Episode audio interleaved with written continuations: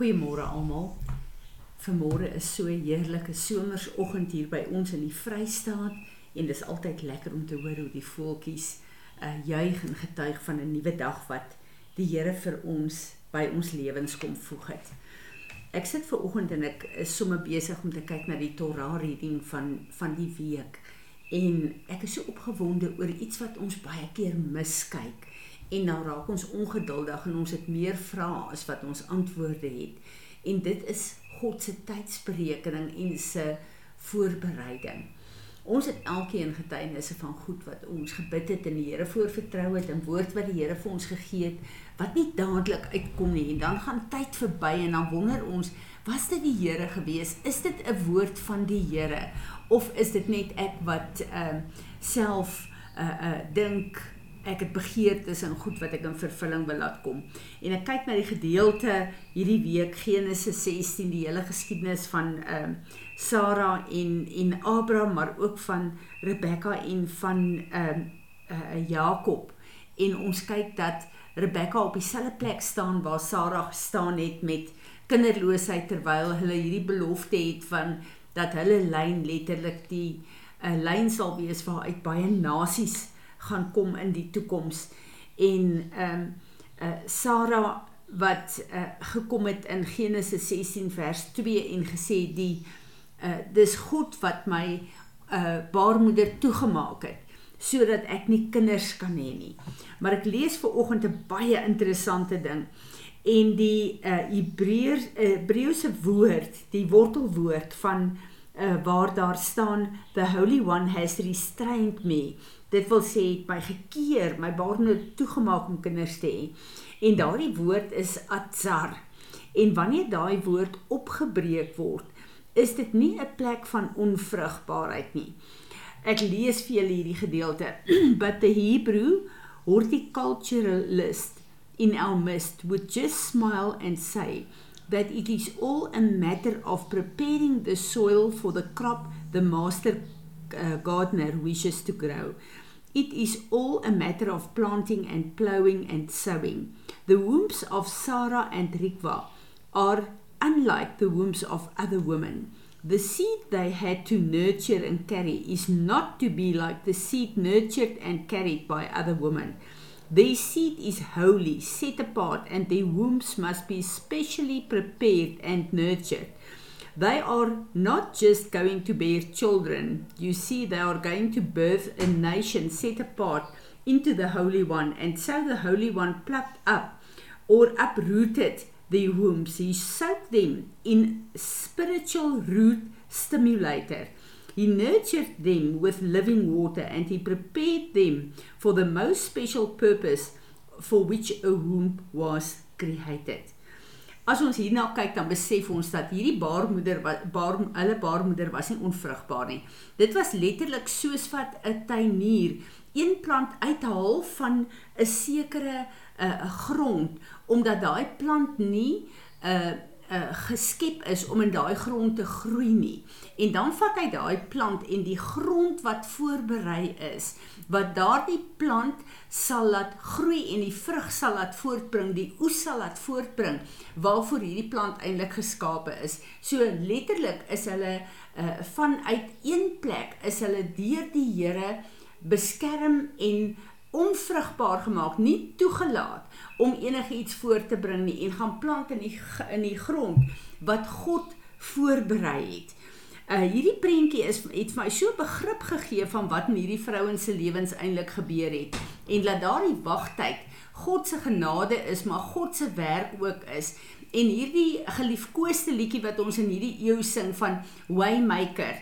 God werk wanneer ons dit nie sien nie. En baie keer is hy wat die een wat die pad maak, wat die beloftes in vervulling bring, wat die seëninge bring, wat ons vrugbaar maak, het eers nodig om in ons lewe en selfs ons generasielyne te werk voordat hy sekere van sy beloftes in vervulling bring. En dan raak ons ongeduldig en ons kom op die plek so Sarah waar ons graag 'n handjie wil bysit vir God. Maar as ek en jy net kan weet wanneer God 'n belofte gegee het, sal hy dit in vervulling bring. En ek het hierdie week 'n paar keer gepraat oor die belofte wat God gesê het van uh Amos 9 waar hy sê in those days in ons dae I will restore the tabernacle. En dan kyk ons na onsself en ons wat God se tabernakel is, dan weet ons daar's sekere goeders wat ek en jy nie kan doen nie. En dan daai wonderlike belofte van God wat sê I will restore gee ons daai plek van vreugde van weet. Sekere goed moet ons wag. Dis nie goed wat oornag kan gebeur nie. Dis goed wat voorberei moet word. Dis goed wat letterlik 'n uh, ge ge uh uh soos die Engelse sê gesouk moet word, geweek moet word in sy uh teenwoordigheid, uh gereed gemaak moet word. Letterlik wat ons uh vrugbaar maak weer wat ons wortels regstel om te kan groei en te kan voortbring wat hy deur ons lewens wil doen. En uh as ek en jy in 'n wagtyd is, moenie dink God is nie daar nie. Hy is besig om te werk. Maar God se tyd is nie ons tyd nie en ons moet onthou dat die woord sê God hou tyd in sy hand. Dit beteken my en jou se lewensduur en se tydlyne ook. En as ek en jy buite God se tyd goed wil bewerkstellig, gaan dit 'n uh, totaal 'n uh, 'n uh, 'n uh, ramp wees. Want as ons maar kyk na die seisoene wat daar is in die natuur, daar's sekere seisoene wat goed nie groei nie. Hierdie seisoen het ons in die Vrystaat laat koue gekry en ons het geen vrugte aan hierdie lieflike vrugtebome nie.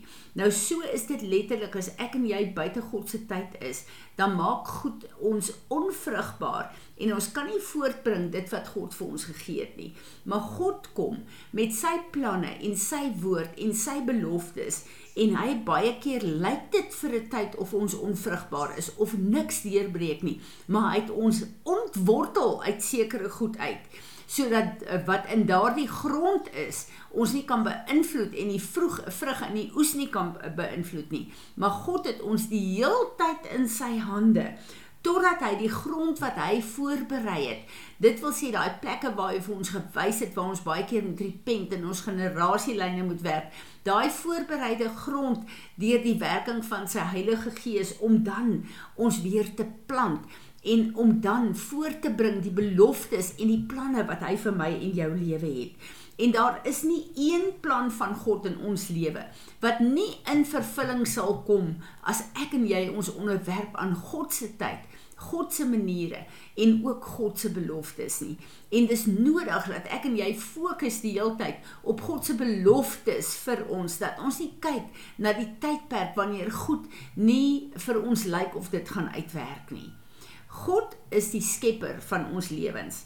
Hy het ons aarde toe gestuur met alles wat ons nodig het om vrugbaar te wees hier op aarde. En uh uh God is die een wat wat uh dit wat hy beplan het deur ons lewe, net soos wat hy alles vir ons gegee het om daai planne in vervulling te kry, is hy ook daar om elke sekonde uh met die werking van Heilige Gees wat in ons lewe medewerkers te wees om sy planne in en deur ons te laat land en dat daardie gedeelte wat ek en jy dra van sy plan hier op aarde presies sal pas in die plek wat hy dit vir ons uh uh toelaat om te lewe en te doen.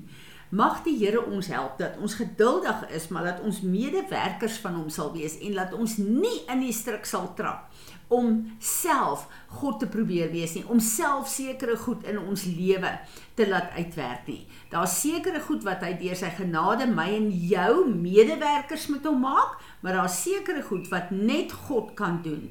En dit is net God wat lewe kan voortbring. Daai plekke wat ek en jy goed moet voortbring wat lewe beïnvloed en bewerkstellig is wat God daar kan plaas. Kom ons onderwerp ons opnuut daaraan.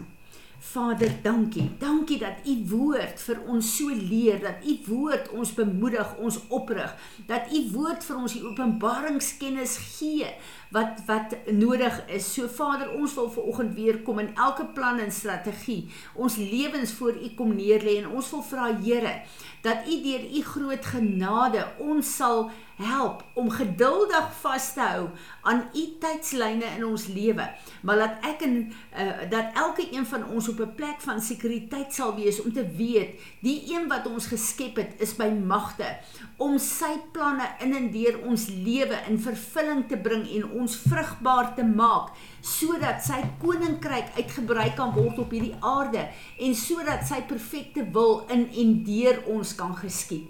Here Jesus, dankie dat U seker gemaak het met die prys op Golgotha dat ons die vrug van ons Vader sal voortbring. Amen. Jy nie reg geposisioneer is nie, kan dit nie gebeur nie.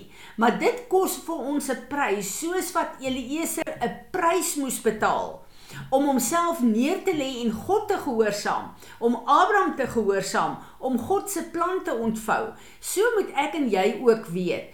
Ons moet God gehoorsaam. Ons moet hom volg. Ons moet sorg dat in ons besige programme hy die middelpunt bly, want dit is al hoe ons in sy plan kan bly. Baie keer kry ons probleme, dan kom ons agterna agter ons het goed uit ons vlees uitgedoen. Ons het nie meer tyd daarvoor nie, julle. Ons moet sorg dat ons seker maak dat God ons voetstappe rig en dat ons op die regte pad is wat hy ons vir hierdie seisoen gelei het. Ek voel dit is so belangrik. As ons net kyk wat in die wêreld gaan, dan besef ons ons is in tye wat baie baie belangrik is. Ons het nie meer uh die die luukse om uh tyd te hê om te mors nie. En daarmee weet ek dat hierdie plek wat ek en jy het om daagliks in 'n gesprek met die Heilige Gees te wees, om in hierdie vriendskapsverhouding te wees, vrywaar ons van daai plekke waar ons so besig is dat ons hekke begin dra wat nie van hom af is nie en dat ons dan nie in vervulling kan bring dit wat hy ons geroep het voor nie. Kom ons bid saam. Vader, Here Jesus en Heilige Gees van God, U weet alles. U ken ons elke een se lewe. U weet waar die vyand ons tyd tyd probeer beset. U weet daai tye wat ons net gemaklik is en laks is. U weet alles, Here. En ons wil opnuut ons lewens voor U bring. En ons wil sê, Here, ons kies om in U gehoorsaam te wees in elke detail. Ons kies dit, maar ons het U hulp nodig. Heilige Gees, wys vir ons al die plekke waar daar strikke is waarna ons strap. En kom U en stuur U engele vooruit en maak ons paaie gelyk sodat ons lewens U naam kan verheerlik en die vrug kan voortbring wat U ons geroep het om te doen. Here Jesus, dankie dat U ons kom koop het. Ons is U eiendom. Help ons om op te tree soos wat U van ons U eiendom verwag. Amen.